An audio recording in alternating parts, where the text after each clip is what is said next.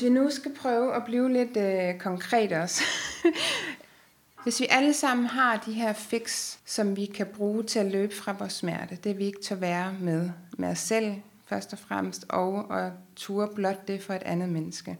Øhm, hvad er din erfaring som, som seksolog og fra dit eget liv? Hvad, hvad er det, vi bruger sex til? Og er det forskelligt, hvad mænd og kvinder bruger det til? Har, hvad er det, det er jo sådan, at vi, det hedder seksualisere, vi seksualiserer i virkeligheden nogle af de ting, som har haft rigtig stærk energi i vores krop.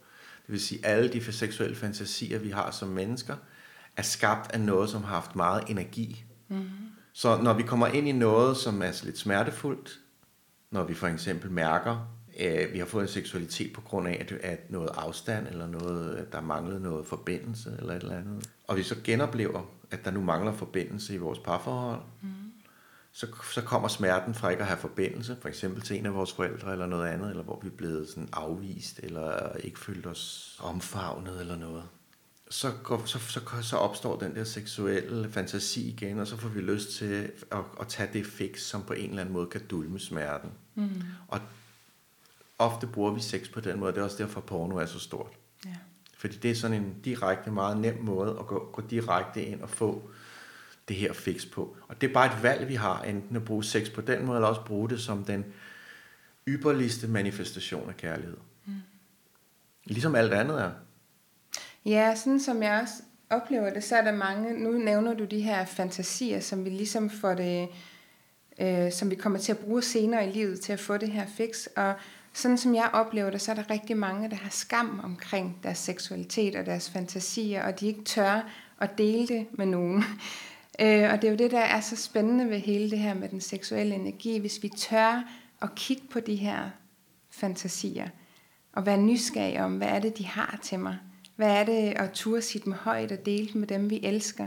Og så finde ud af, hvad er det for en, øh, en gave, de har til at kunne skabe mere forbindelse. Det er fordi, det er enormt sårbart. Ja. Du kan bare tage sådan en ting, som er meget mindre energifyldt end uh, sex, som også er en handling. Bare det at gå ned ad gaden, eller være sammen med et andet menneske. Hvor hjertelig og sårbar og ærlig tør du i virkeligheden være som menneske. Mm. Og det er ikke engang sex endnu. Nej. Så hvad er det i, i sex? For det er det samme. Det er bare en endnu vildere energifyldt ladning. Mm. Okay? Jo. Tænk, hvor sårbar man så skal være der. Fordi en ting er den seksuelle fantasi. Det er jo ligesom første stadie, det er at have, have ære sig selv nok til at turde dele den, mm. som du siger. Dele den med sin partner, og man måske bliver fyldt af skam og alt muligt, og den enormt fantastiske ting, det er, når du rent faktisk føler dig, du kan blotte dig så meget med et andet menneske, så du kan dele din fantasi med en, som der også elsker dig. Mm. Hvor du ikke behøver at gå til en prostitueret, eller en eller anden, der bare i en eller anden aftale på nettet, sådan helt firkantet gør det, uden for følelser og sådan noget, bare prøver at isolere den her seksuelle fantasi. Mm. Men rent faktisk gør det med en, som du holder af, som er jo rigtig svært at så skulle gøre. Mm. For så er der flere ting på spil. Det er ligesom første fase. Næste fase, det er så at blotte alle de følelser, der ligger forbundet med det. Ja, er præcis. Fordi en ting er, at øh, man har lyst til... Den største fantasi overhovedet, der findes, det er at skulle overgive sig. Altså blive taget på en eller anden måde, så man skal overgive sig 100%. Det er mm. derfor 50 Shades of Grey har været så stort og sådan noget. Det er jo faktisk både for mænd og kvinder. Det er den største fantasi, fordi også kvæg den her tid, vi lever i, der er så meget, vi skal. Så det der med at kunne give slip, bare overgive sig, mm. det er virkelig noget, der fylder meget. Så, så det, kan, det kan vi lave fantasi om på alle mulige måder, som vi så kan skabe op i vores hoved, hvordan vi kan gøre det, om jeg bliver bundet, eller jeg bliver slået, eller hvad der nu kan ske, så jeg virkelig kan miste min kontrol. Men der ligger også en kæmpe sorg i det. Og det er en lige så stor del af seksualiteten, det er at turde vise den sorg også. Mm. Så det er ikke bare at blive klasket i røv. Det er, det er også virkelig at blive holdt om, når man bliver helt lille. Mm. Og det kan være, og det er jo det, der er så, det, er det, der er så vildt med sex, det, det, det skifter. Det skifter lige pludselig. Du kan have en forestilling op i hovedet, så skifter det. Lige pludselig føler du dig helt lille, og det eneste, du har lyst til, det er at ligge i din, øh, din kones arm og sutte på hendes bryst og være en lille dreng med stiv pik. Altså, jeg siger det bare fuldstændig som det er. Mm. Det har man lyst til. At ligge og græde og være lille, ikke? Og så tænker hovedet, ej, det er fandme for pervers det her, og jeg skal også være hendes mand og alt muligt. Men det kan du bare ikke, det kan du ikke bruge til noget. Nej. Fordi det er rent faktisk det, der sker. Du bliver automatisk trukket igennem nogle ting, og du skal kunne prøve at lade være med at censurere det. Turde være i det. For at blive endnu mere den mand, du er. Mm. Det er jo ikke, fordi du skal sidde fast i at være øh, hendes søn. Altså, det er der jo ikke nogen, der er interesseret i, men du skal give dig selv lov til at være det. Du skal have lov til at kunne være feminin, og hun maskulin. Du skal have lov til at være selvudslættende, og du skal være, give dig selv lov til at være jaloux, og du skal give dig selv lov til at være fuldstændig tårvedende, afhængig, og du skal tillade dig selv. Altså, det er sex. Mm. Og det er en anden form for sex, fordi du sagde også, hvor, altså, hvor mange former for sex findes der. Altså, man kan lukke helt af og kun bruge det til mm. øh, som et rushing. Eller så kan man bruge det til som en fysisk måde at opnå den største forbindelse til sin til at hele sin sorg, til at, øh, hvis man skal være sådan lidt kosmisk, så kunne man sige, forbindelser med hele universet og Gud. Mm. Ja. Og det er vildt. Ja, det er store kræfter, vi har med at gøre på en måde i det her seksuelle rum. Ikke? Men, ja, og det er ikke kun smukke kræfter, det er det, som nogle ja, gange også i den her, sådan, mange taler om tantra, vi skal bare sidde, nu overdriver det lidt, men vi skal bare sidde og kigge hinanden i øjnene, og hele tiden, du ved, holde vores udløsning tilbage, og bare være i den her ophøjethed. Ja, men det er ikke kun det. Mm. Det er også at dele øh, sover og lever på steg. Hvis ikke du tager det med ind, så er det fandme ikke tantra. Nej, det er det, jeg tænker lidt, som du også lidt var inde på, på i starten af, af podcasten, det her med også, at, at den her udviklingsvej, den her spiritualitet, kan blive et eller andet, en mental ideologi, man, man lever ud fra. Ja. Men det er ikke noget, der er i kroppen. Det samme kan også ske med, med, hvad hedder det, med seksualiteten. Altså, så kan det være tantraen, der så bliver den spirituelle del af det, og den rigtige del af det. Mm, og ja, den kan være en, en portal ind til det, men den kan ved Gud også være en flugt fra det samme på den måde, du beskriver det på. Ja, ikke? At, at vi skal ligesom have begge ender med. Ja. Så for mig at se, kan det, kan det at dyrke det vildeste SM eller tantra, det kan være lige øh, udviklende og spirituelt, hvis vi er forbundet i det, og hvis vi tør være i det med alt det, der, ja. der dukker op i virkeligheden. Ja. Ikke? Præcis. Øhm, Ja, for jeg tænker, der er det her paradoks i, sådan som jeg ser det i hvert fald, at, at mange par har sex for at bevare en nærhed. altså vi har sådan en eller anden overbevisning om, hvis vi ikke har sex, og hvis den del ikke fungerer, så, øh, så er vores parforhold i fare, eller sådan et mm. eller mhm. andet. Men hvis vi så ubevidste går ind og bruger vores seksualitet til at flygte fra vores følelser, eller for at få det der fix, så har vi jo skabt en afstand i os selv, og så giver det aldrig den nærhed, vi længes efter. Ja. Så, men det kan også bruges til netop at, at skabe den her nærhed, men så kræver det, at man, man tør være med alt det, der, der dukker op undervejs Ja, præcis, fordi hvad er nærhed? Ja. Nærheden er forbindelse. Ja. Og hvis du skal være forbundet, så skal du være forbundet til dig selv. Mm-hmm. Og hvis vi også kigger på sex, hvad er det mest seksuelle, der overhovedet findes? Det er at være sammen i mine øjne. Det er at være sammen med et menneske, der er forbundet til sig selv. Mm-hmm. Der ikke er over i mig. Det har ikke noget at gøre med, at man bare sådan sidder og bare passer sit eget. Mm. Men man er forbundet til sig selv. Ja. Det er så sexet, når et menneske er forbundet til sig selv. Mm. Og når man er forbundet til sig selv, så kan man nemlig også, uden at det bliver sådan noget, jeg skal have løst noget, mm. så kan man være forbundet til den anden. Mm. Man kan også sige, at ærlighed er forbindelse. Jeg, jeg behøver, alt det, der er imellem os, mm. der er ikke noget, der er lukket. Der er ikke noget, jeg holder tilbage. Der er ikke nogen elefant i rummet. Jeg er ikke, der er ikke en eller anden fornemmelse, jeg lige mærker, der lige stryger igennem luften, når vi har sex, eller går rundt i køkkenet, hvor jeg kan mærke, at noget, der, der er en lille irritation, der er en lille...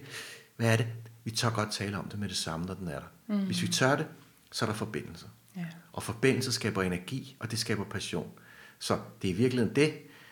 Vi kan ikke bare have sex for at skabe forbindelse. Men hvis vi har sex, hvor vi tør at være, altså, i mm. alt.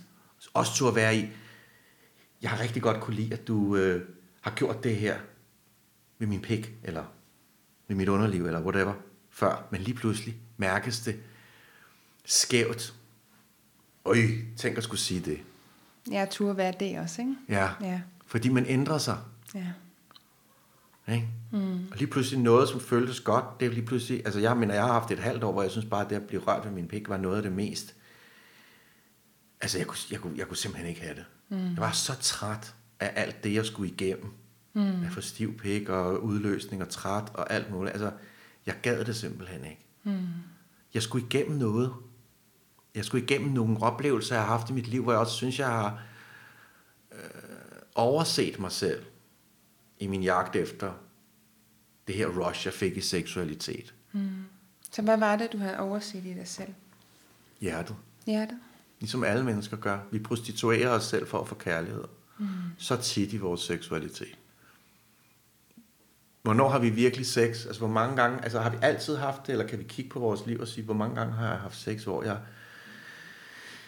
hvor det ikke føltes 100% fantastisk, hvor jeg, ikke, hvor jeg i virkeligheden ikke var i, i forbindelse med mit hjerte, og jeg kunne mærke, at det her, der var, der var det hele med. Mine kønsorganer, min krop, mit hjerte, det hele var med. Mm. Jeg følte ikke bare, det var, altså tænk på, hvor mange mænd, der tit tænker, når de er sammen med en kvinde, det er et eller andet arbejde, de skal gøre, fordi de vil så gerne tilfredsstille i gåseøjne mor. Mm. Så, så, så de vil så gerne, så gerne gøre alt for, at hun får den her orgasme. Men jo mere de presser på, og gerne vil have den orgasme, jo, jo sværere er det at give hende den. Mm. Fordi han er jo ikke forbundet til sig selv, han er jo i en præstation. Mm. En præstation er jo en maske. Det vil sige, du er ikke forbundet til dig selv. Hvis ikke du er forbundet, og det er det feminine i os, og det er jo det, kvinden er rigtig meget i kontakt med, hun mærker jo med det samme, når der ikke er forbundethed. Mm. Kvinden er jo, er jo en fysisk læmeliggørelse af, hvad det vil sige at være forbundet. Det er jo det feminine. Det er jo kvinden. Hun kan jo mærke, når der mangler forbindelse, på en milliard kilometers afstand. Mm. Hvis hendes kæreste ser porno på den anden side af jorden, så kan hun mærke det sekund, han trykker på pornoknappen. Mm. Hvis, hun, hvis hun ellers øh, giver sig lov til det. Men det kan hun, i mine øjne. En hver kvinde. Men det er jeg helt enig i dig i. Men jeg synes også, det er meget interessant, for jeg tror, der er rigtig mange, der bruger det her seksuelle rum, som du også beskriver det. Det der med at, at sælge ud af sig selv, for at mm. få en følelse af at være elsket, eller være sikker i relationen, eller... Jeg kan huske, jeg var på en, en gruppe, sådan en kvindegruppe for mange år siden, måske i 2011-12 stykker, øh, som hed Awakening Your Feminine Sexual Essence. Så det var jo kvinder, der virkelig gerne ville gå ind og være med den energi og åbne op for den. Og jeg hørte den ene historie efter den anden med kvinder, der dybest set kun havde sex for at holde husfreden, holde mm. på manden eller få børn. Og jeg sad og græd, da jeg hørte den, og jeg tænkte, det kan ikke passe, at, at det stadigvæk er sådan i dag. Så jeg tænker, mænd som kvinder, øhm, er det måske ubevidst den måde, vi kommer til at mødes i det seksuelle rum på, for at fylde nogle huller inde i os selv, eller er angst for at miste, eller jeg har selv gjort det i perioder, hvor jeg hvor, hvor jeg måske var et sted, hvor jeg var usikker i relationen, om, om min kæreste ville gå ud og finde en, der var tyndere, klogere og lækre end mig, mm. at så, så troede jeg jo mere øh, fræk og med på det hele, jeg var i sengen, så elskede han mig mere. Ja. Men i virkeligheden, så kunne jeg mærke, at jeg, det der med at sælge ud af sig selv, eller manipulere med sin krop og med sin seksualitet. Og jeg tror, der er rigtig mange, der gør det. Det gør vi da. Altså, når jeg, når jeg siger det højt og snakker med folk om det, så nej, nej, det gør jeg i hvert fald ikke. Altså, det er ligesom den første, det der forsvar et eller andet sted. Hvis jeg så tør sige det højt, så tør de også godt, nå, ja, på den måde, så gør jeg måske det også lidt på en eller anden måde, ikke? Ja, ja. Men det der med at ture og være så ærlig og, og, og mærke efter inde i jer selv, hvad er det, jeg bruger det her rum til? Og, og er der noget, jeg længes efter? Fordi jeg kan godt forstå, at folk føler sig tomme bagefter. Hvis man har ubevidst øh, netop prøvet på at lukke de her huller og ikke at mærke noget inde i sig selv, så får man jo ikke den forbindelse. Man får måske det der øjebliks forløsning, men så melder tomheden sig igen bagefter. Ja, og det er fint nok at have den seksualitet, så længe at den giver en noget. Ja, På et eller andet tidspunkt, så er det bare slut. Og når man så, som du beskriver det, og mærker det, mm. Så vil der opstå en proces i ens liv, hvor at det, som før føltes som et dejligt rush, lige pludselig ikke har den samme glans længere. Mm. Og så skal man i en eller anden forstand genopfinde sin seksualitet. Ja. Og det er der, det kommer ind sådan noget med at skulle nærmest starte forfra. Det kan man jo ikke, fordi man har jo sin erfaring, men, men man kan prøve at gøre sig umage med at lege, hvordan man nu gør det, ind i at starte forfra. Ja. Ind i at være så langsom, så forsigtig, så kommunikerende, så opmærksom på hinanden. Så man kan prøve at øh, genskabe sin seksualitet fra et nyt sted. ja. Og det er, det er meget følsomt. Ja, det er også en eller anden modningsproces, ikke? fordi det er jo ikke bare seksualiteten i sig selv, det er jo også en følelsesmæssig modning og udvikling. Det er ligesom, der er flere ting, der skal følges ad, eller sådan, og hvordan tager man den rejse? Hvad har været noget af det vigtigste for dig i den rejse? Til at, nogle af de vigtigste redskaber til at ture gå ind i det der rum og blotte sig. Jeg hørte i en podcast, du sagde, det her med sårbarheden, det var at lægge sin sorg blot frem for den anden og for sig selv selvfølgelig. Ikke? Men, men hvad, øhm, hvad har hjulpet dig på den rejse til at ture og stå og finde det mod og den styrke ind i dig til at ture dele det med et andet menneske? Jeg tror ikke, der findes noget som helst redskab. Nej, Jeg tror, det er noget, der kommer, når du er klar. okay. Jeg tror simpelthen ikke... Jeg tror, vi er præcis... Selv, altså tiggeren nede på gaden, han er præcis det sted, han skal være. Mm. Ham, der er afhængig af sin seksualitet, han er præcis det sted, han skal være. Ja. Fordi det er noget, man skal igennem for at komme til det næste. Og vi skal ikke blande os i, hvad der er rigtigt eller forkert for folk, medmindre de rækker en hånd ud og beder om vores hjælp. Mm. Så er det det helt rigtige sted for dem lige nu. For der er noget, der er noget i det her, som skal tages ind. Og det er også derfor, jeg sådan set, jeg er ikke, jeg, jeg er ikke engang ivrig mere. Det var jeg, da jeg var yngre, men jeg er ikke engang ivrig mere med, at folk skal forstå det, jeg synes, vi taler om, er en slags visdom. Mm. Men jeg tænker sådan her, hvis du er et sted i dit liv, hvor du kan mærke, at det ringer ind i noget, og det er der flere og flere mennesker i den her samtid, vi lever i, hvor det ringer ind, Mm. så, så, kan du, så, bliver der noget, så bliver der tændt noget ind i dig. Ja. Fordi det, vi taler om, er jo ikke et eller andet, vi har fundet på. Det er jo, vi taler jo i virkeligheden bare fra noget, som alle mennesker, i mine øjne, ved Mm. og kan mærke. Og så lige pludselig så, yeah, der kan være nogen, der hører den her podcast og siger, gud ja, det ved jeg, jeg ved jo godt det her, det er sådan her. Mm. Nu kan jeg huske det. Jeg har glemt det for en stund, men det er jo sådan, det er jo sådan her, det er. Ja. Og når du så først kommer til det sted, så kan du, så vil du stadig have dine mønstre, mm. men du vil også have en ny indsigt. Der er noget, en gammel tone, der synger i dig. Og så bliver det sværere og sværere at blive i det gamle, fordi mm. tonen bliver ved med at synge, og, og adskillelsen mellem de to ting, det bliver mere og mere smertefuldt. Mm. Og til sidst bliver det fuldstændig ligesom, hvis du, undskyld mig, skal skide. Du kan ikke lade være. Du kan simpelthen ikke lade være. Og selvom du synes, det er så flovt, så gør du det på åben gade. Mm. Og sådan, sådan, det, er det, det er det, der har trukket mig. Ja. Jeg er simpelthen... Jeg bliver nødt til.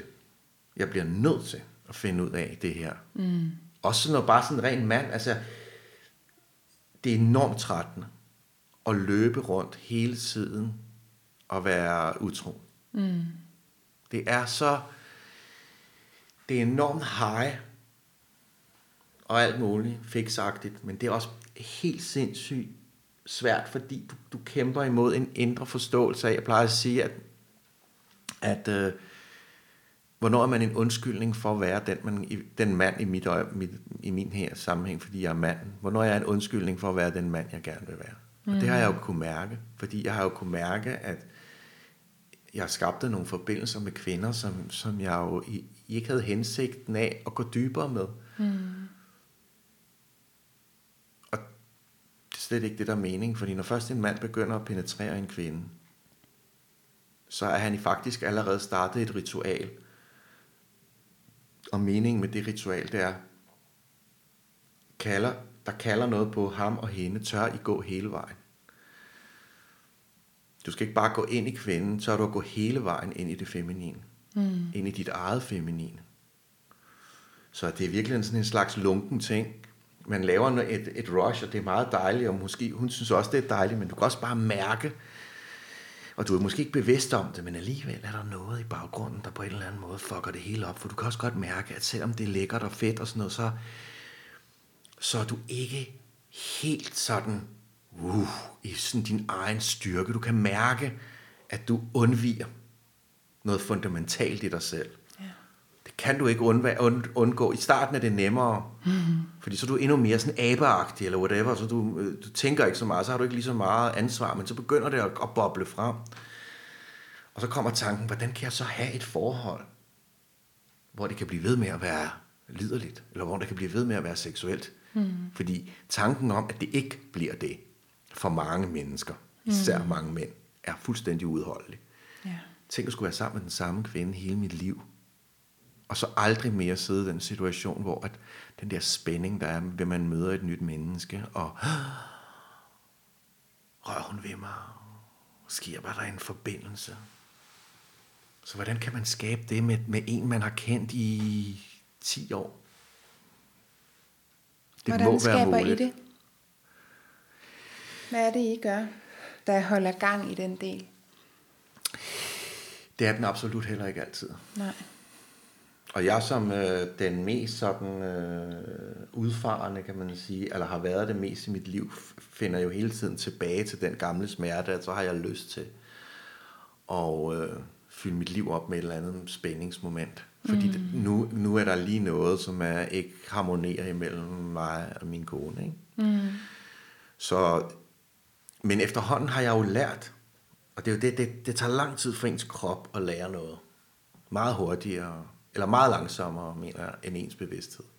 Kroppen er som et lille barn, der lige skal mærke det og se det og forstå det. Så min krop har skulle vende sig til at forstå at, at huske. Og nu har jeg oplevet det nogle gange, at hver gang, at energien ikke er der imellem os, hver gang, at vi ikke er i den liderlighed og den, uh, den der, hvor man bare kan røre hinandens fingerspidser, og så står der gnister jo altså i hele rummet. Når den mangler, og man kan sådan ligge og savne den, så er det kun fordi, at der er noget i vores forbindelse, som er svækket. Mm. Fordi vi nu er ved at grave os endnu dybere ind i noget mørke, så vi prøver at flygte fra. Mm. Og hvis vi tør at udstå den næste ørkenvandring, mm og som man jo ikke har lyst til, men, men den bliver, altså, man, man, man ved jo, at man bliver nødt til det øh, efterhånden, som man udvikler sig. Når man så gennemgår den ørkenvandring, så, og det lyder som om, det er bare hårdt arbejde hele tiden, men det er jo, det bliver også sjovere og sjovere, fordi du finder ud af, at det livet handler om også, og, og, og sådan mm, afdække dig selv til nye horisonter. Men, men, men at gå ind i den her ørkenvandring, og komme ud på den anden side, så, så er den der igen. Og nu har jeg oplevet det, nu har jeg oplevet det flere gange, den kommer igen. Så, så er det været helt ude. Jeg har tænkt, vi, vi får aldrig nogensinde nogen seksuel forbindelse igen. Jeg kan ikke mærke det overhovedet. Det er simpelthen så hverdagsagtigt, og vores sammenbragte børn, og det hele, det kører bare. Fucking mand, der er ikke noget eventyr. Det handler bare om at køre dig ud af hele tiden, for at få det hele til at hænge sammen, og vi, vi falder bare i søvn, og der er ikke nogen passion, og, og så er der nogle ting, som, det er måske ikke sådan, at vi lige kan sætte fingeren på det, men der er noget, der har brug for, at vi bare bliver ved med at være i det her, der er svært. Prøver at tale det igennem, og jeg kan have det sådan, ej, vi taler fandme for meget hele tiden, jeg kan ikke holde det ud, og ej, der er mange ting, vi går igennem begge to. Og så lige pludselig, uh, så er vi kommet igennem. Og når vi er kommet igennem, så er energien der igen. Mm. Jeg tænker, det, det hænger vel meget godt sammen med det, du også beskrev tidligere med de her øh, altså årstider. Altså det der med at ture og gå igennem bølgerne, når det er højt og når det er lavt, og have tillid til, at alt er i bevægelse. Ja. Men i virkeligheden måske også at være nysgerrig og åben over for den bevægelse. Hvad er det for et lag, der åbner sig i mig nu? Og det der med, at du siger, så har du lige haft en periode, hvor du slet ikke har haft øh, noget, der skal røre på din pik. Øh, hvor i andre perioder er det måske det, du gerne vil have. Men også Mm. som partner måske at blive ved med at have den der nysgerrighed. Lidt ligesom, som, at det, selvfølgelig kender man hinanden rigtig godt, men også at have den der nysgerrighed om, at det er første gang, man rører den her krop og er med det her menneske, og hele tiden tør det, lade det være noget nyt, der er udfolder rigtigt. sig men, på en eller men anden sådan måde. nogle ikke? ting er kun nemt at gøre, når du har lyst. Ja. Du har ikke alle sådan nogle ting, som man kan læse rundt omkring, så kan du gøre det og det. Dem gider du overhovedet ikke, når du ikke har lyst. Nej. Du gider slet ikke overhovedet at skulle sætte sig ned nu og finde ud af et eller andet, så vi kan blive liderlige. Altså, du har slet ikke lyst til at være der. Så det er svært. Det er pisse svært at være i sådan en ørkenvandring. Og det er også for alle knep gælder. Ja. Altså om det er at male en kæmpe stor øh, ting på væggen, der kan minde en om det, eller indspil. Jeg har sågar tænkt på at indspille på min øh, mobiltelefon, sådan, når jeg er der, hvor at jeg lige har oplevet, at ja. vi kan mødes igen i liderlighed og glæde og passion. Indspil en, be- en besked til mig selv, mm-hmm. som jeg så kan høre det ud og sige, hey Robert, kan du huske, nu, nu kan jeg bare fortælle dig, nu er jeg her igen, og det virker. Så du glem det ikke, når du sidder der i mørket. Mm. Og det er også det, man skal aldrig tage beslutninger, når man er i sit mørke. Nej. Aldrig. Fordi man tager dem ikke fra øh, et sted, jeg er visdom. Så man bliver nødt til bare at være i det, og det hele det murer rundt, og man har lyst til at flygte, og man har lyst til at bare at leve sig ind i den porno, man ser, eller gøre et eller andet, kan jeg bare komme væk fra det her? Og det bobler og bobler, og man bliver nødt til at, at, at være i det, og, og så det hjælper at, at tale sammen. Det hjælper at på alle måder, man kan blotte sig, eller også, hvis man kan se, at den anden er i noget, så øh, byde ind til, at man blotter sig, øh, får snakket om det, for, for øh, gjort noget alligevel, noget kropsligt, mm. selvom man kan have modstand på det. Øh, altså, jeg, jeg, jeg prøver hele tiden at prøve at finde på metoder på, hvordan man kan det her, fordi jeg kan jo se i min og min opdagelsesrejse, at det er noget af det allersværeste for par. Mm. Det er at gå igennem, de, når de her faser er svære. Altså, hvad fanden kan man gøre? Mm. Øh, altså, det er ligesom med, med min kone, så kan hun være et sted, hvor at hun hele hendes øh, kropssprog kan, kan ligesom... Øh, det, det, det, det, det, det, det, det, det, det står bare og ud i, ud i hele rummet står det ligesom bare og, og signalerer, at øh, for mig i hvert fald, at øh, hun er sur og indelukket, og jeg skal i hvert fald ikke komme tæt på hende. Og det eneste, hun har lyst til, Der er du tæt på. det er jeg tæt på. Mm. Og selvom hun har sagt det til mig 10 gange, når hun har det sådan der, så kan jeg ikke. Jeg kan ikke huske det. Jeg kan ikke huske det, fordi det ligger så dybt i min krop og responderer på den måde, hendes krop er på. Mm. Så jeg ikke gør det. Så du ved, det er også noget med, hvad gør vi så for at override det her? Mm. For fordi i, i virkeligheden skal, der, skal man, det kræver et eller andet vilje at komme over det her. Ja. Altså skal hun gå rundt med en badge på. Så når hun tager den badge på, så betyder det, hallo Robert, du ved godt, at nu usignalerer jeg sådan og sådan og sådan, men du skal vide, det jeg i virkeligheden helst vil have, det er, at du bare kommer hen og giver mig et kæmpestort knus. Badgen. Altså, Den tror okay. jeg, der var flere, der godt kunne bruge, den badge, eller en anden badge for den sags skyld. Ja, ikke? ja. og det er bare det, jeg mener, altså, man må, altså alt gælder. Mm. Alt gælder. Og nogle gange har jeg endda sådan også prøvet, jeg har også prøvet sådan, fordi nogle gange så, hvis man har set hinandens ansigt og skændes, ikke? Mm.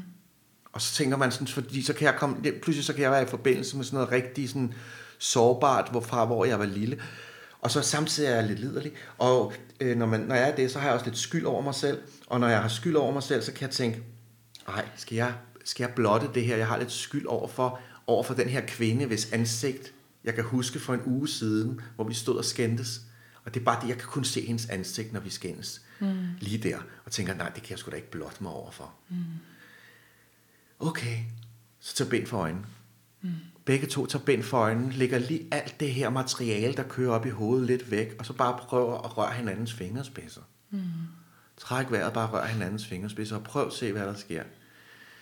Og så kan det være, at kroppen bagom alt, hvad der kastes rundt i hovedet af gamle fortællinger, så lige danner den en lille forbindelse der, som så er du ved at trække vejret, kan sådan lade fylde mere i kroppen, og langsomt, du ved, ligesom tø dig op. Mm-hmm. Så ja, det er bare for at sige, der, jeg, jeg, jeg, jeg synes, øh, jeg er meget sådan på øh, sådan en opdagelsesrejse, for at finde ud af, altså, hvad kan man gøre? Mm. Fordi det er virkelig hæftigt, synes jeg.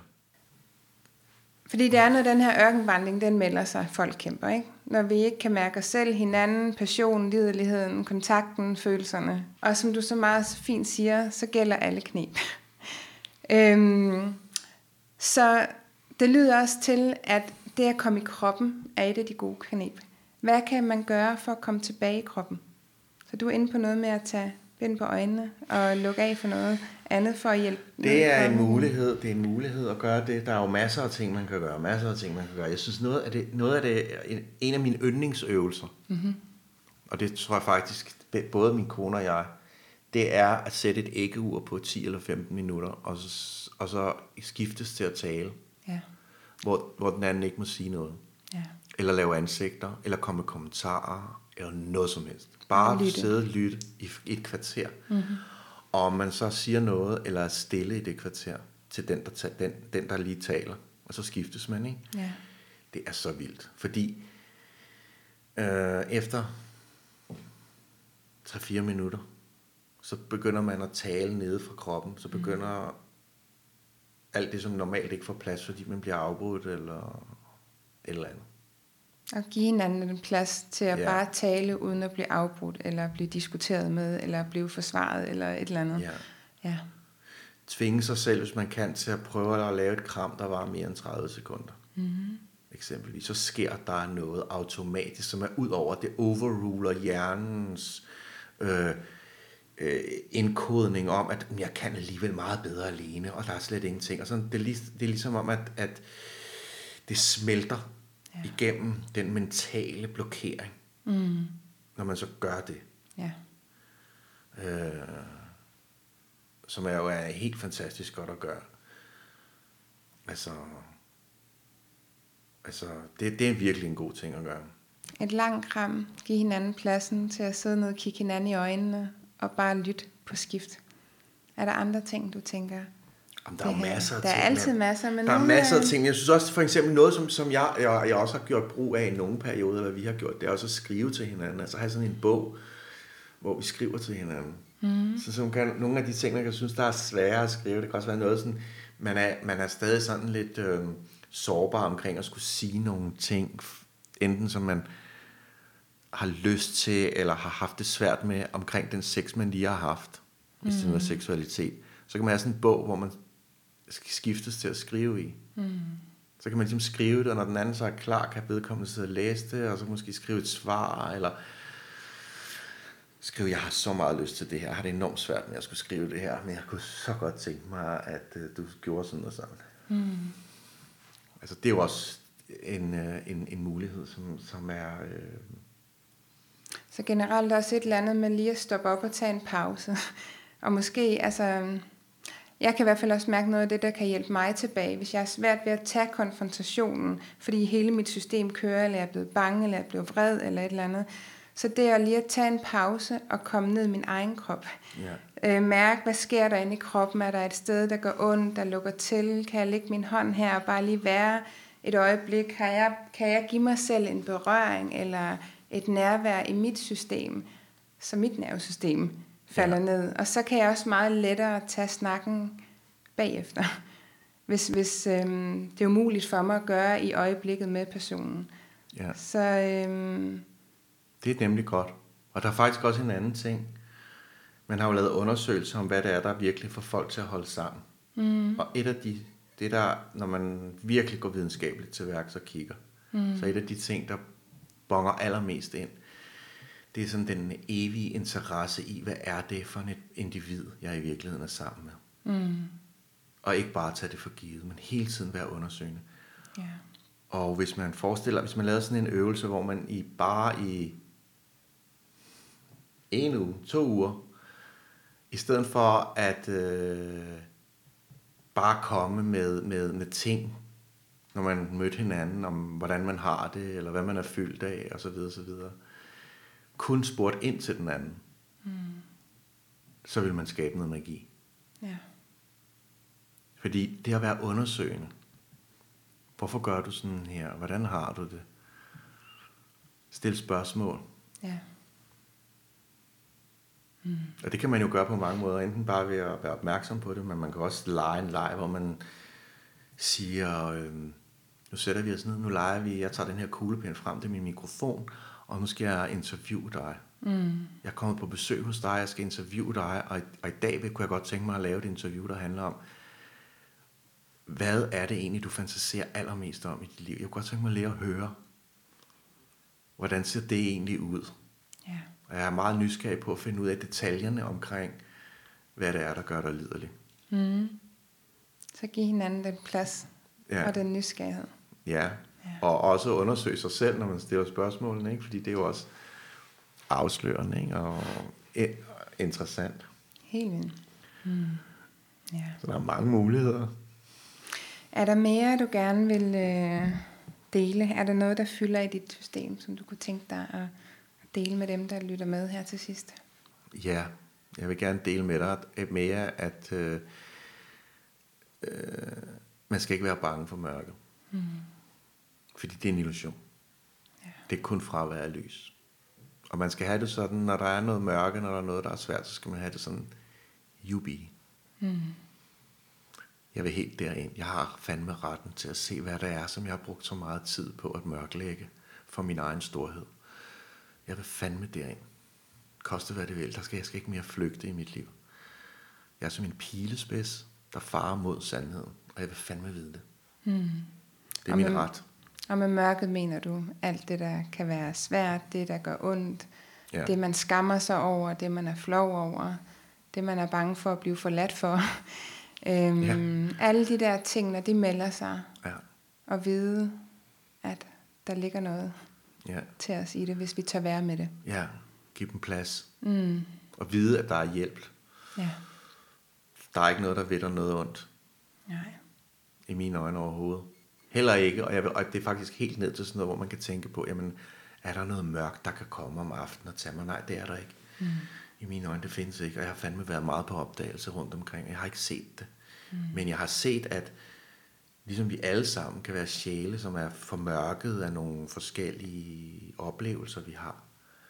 Og så kan vi søge mod en kilde af lys. Vi kan søge mod et menneske, som pludselig, hvis jeg for eksempel er et sted, hvor jeg arbejder med min kærlighed, så kan der lige pludselig komme et menneske hen imod mig, og så kan jeg tænke, gud, hvorfor kommer det her menneske? Det virker meget mørkt. Ja, hvorfor kommer det hen imod mig? Det er fordi lyset i det menneske har lyst til at blive tiltrukket af det lys, jeg er i. Men jeg ser mørket. Mm. Fordi det menneske har jo også et mørke udenpå, ikke? Ja. Og som vi jo startede, hov, som vi startede med at sige, også det der med, at vi vil hellere, altså vores smertekrop vil hellere have, øh, have, have ret end at være lykkelig. Mm. Så vi genspiller jo vores gamle smerte. Så hvis for eksempel det her menneske, der kommer imod mig smerte, er, der er ingen, der elsker mig. Selvom det er det eneste, det længes efter. Ja. Så kommer, sjælen kommer imod mig og vil gerne have mit lys. Men udenpå er der en krop, hvis fortælling er, jeg er ikke værd at elske. Så den skal jo sørge, egoet hos det menneske skal jo sørge for, at få skabt en situation, sådan så at mødet med mig bliver sådan, så jeg afviser vedkommende, sådan så vedkommende kan gå hjem og sige, se hvad jeg sagde, Ja. jeg er ikke værd at elske. Mm. Så vi skal være fandme være skarpe i den her tid. ja. Det skal vi. Og husk på, at selv når det kommer, så er der en mulighed for at skabe en ny historie. Mm. Ikke end den, vi kender. Som vil trække i os. Seriøst, jeg har lavet det her arbejde så meget. Jeg kan stadigvæk nogle gange, når mørket melder sig, lige få den her følelse af, hvis jeg giver efter og går ind i det, så dør jeg. Selvom jeg mange gange har mærket, at det sker overhovedet ikke på den anden side. Men så også bruge den erfaring for dig og for mig, at ja, det er sådan, det føles. På den anden side, så er der noget andet, hvor der er mere forbindelse, først og fremmest. Ja, og jeg vil faktisk øh, ikke sige, at jeg kan skabe en ny historie, hvis det skulle være mig, der skulle sige det. Hvad vil du så, Så, vil jeg sige, at du kan opleve din historie anderledes. Ja. For din historie er allerede guddommelig, mm. som jeg ser. Du har allerede valgt den. Men du kan opleve den på en ny måde. Ja. Og som øh, jeg har lige været hos øh, min vismand i dag, hvor vi mødes og, og laver noget spirituelt arbejde. Og han siger også altid, og det siger vi til hinanden, du har det, som du tager det. ja. Du har det, som du tager det. Præcis. Så enten tager du det fra en viden, hold kæft, jeg er et guddommeligt menneske, der har taget den her vidunderlige rejse for at genopleve, at jeg er kærlighed. Tak fordi du møder mig med den her udfordring, som provokerer mig så meget, så jeg har lyst til at gå fuldstændig amok. Men hvad er det, som det rammer i mig? Tak fordi du minder mig om det. Mm. Fordi lige nu, når jeg indser det, så kan jeg mærke, at jeg er noget større end det. Mm. Men jeg skal bare lige ind i noget, som er rigtig, rigtig svært. Tak fordi du hjælper mig med at slippe det. Ja. Og med at huske, hvem man er på bunden af det hele i virkeligheden. Ikke? Ja, mm. og altid har været. Ja. Altid vil være. Ja. Robert, hvis øh, man gerne vil have mere af dig, ja. hvor kan man så finde, jeg ved, du har en hjemmeside, jeg ved dig og Camille, I holder en workshop her i slutningen af oktober for ja, par. 27. til 29. Ja. tror jeg det er. Ja. Og den kommer jeg til at linke til øh, i podcasten også, Nå, okay. og din hjemmeside, så folk, hvis de gerne vil, tager du også en til en, til en sessioner stadigvæk, eller er det mere de her Nej, workshops? Jeg laver, jeg laver trummerejser og ja. øh, bevidsthedsudvikling, altså man kan sige, det er jo en slags terapi. Min kone laver mere psykoterapi. Mm-hmm. Hun er pissegod til det. Jeg, jeg, jeg er mere, sådan, mere spirituelt orienteret. Ja. Og så sammen laver vi parterapi. Og jeg tænker, hvis man er helt ny for jer, så er jeres øh, podcast, som jeg har lyttet til, også Lubarski-metoden, mm. som ligger på iTunes stadigvæk. Ja. Øh, der synes jeg i hvert fald, man får en, et rigtig godt billede af, hvad det er for et rum, I to I formår at skabe. Ja. Som man næsten ikke kan andet end have lyst til at være en del af. Fedt. så øhm, jeg linker til dig, og jeg linker til mig, hvor, hvis man gerne vil have mere af mig også, og mine online ting og sessioner. Og så vil jeg bare sige tusind tak, fordi du havde lyst til at være med i dag. Ja, tak for dig, fordi du har inviteret mig. Ja, det var en fornøjelse at have dig med. I lige måde.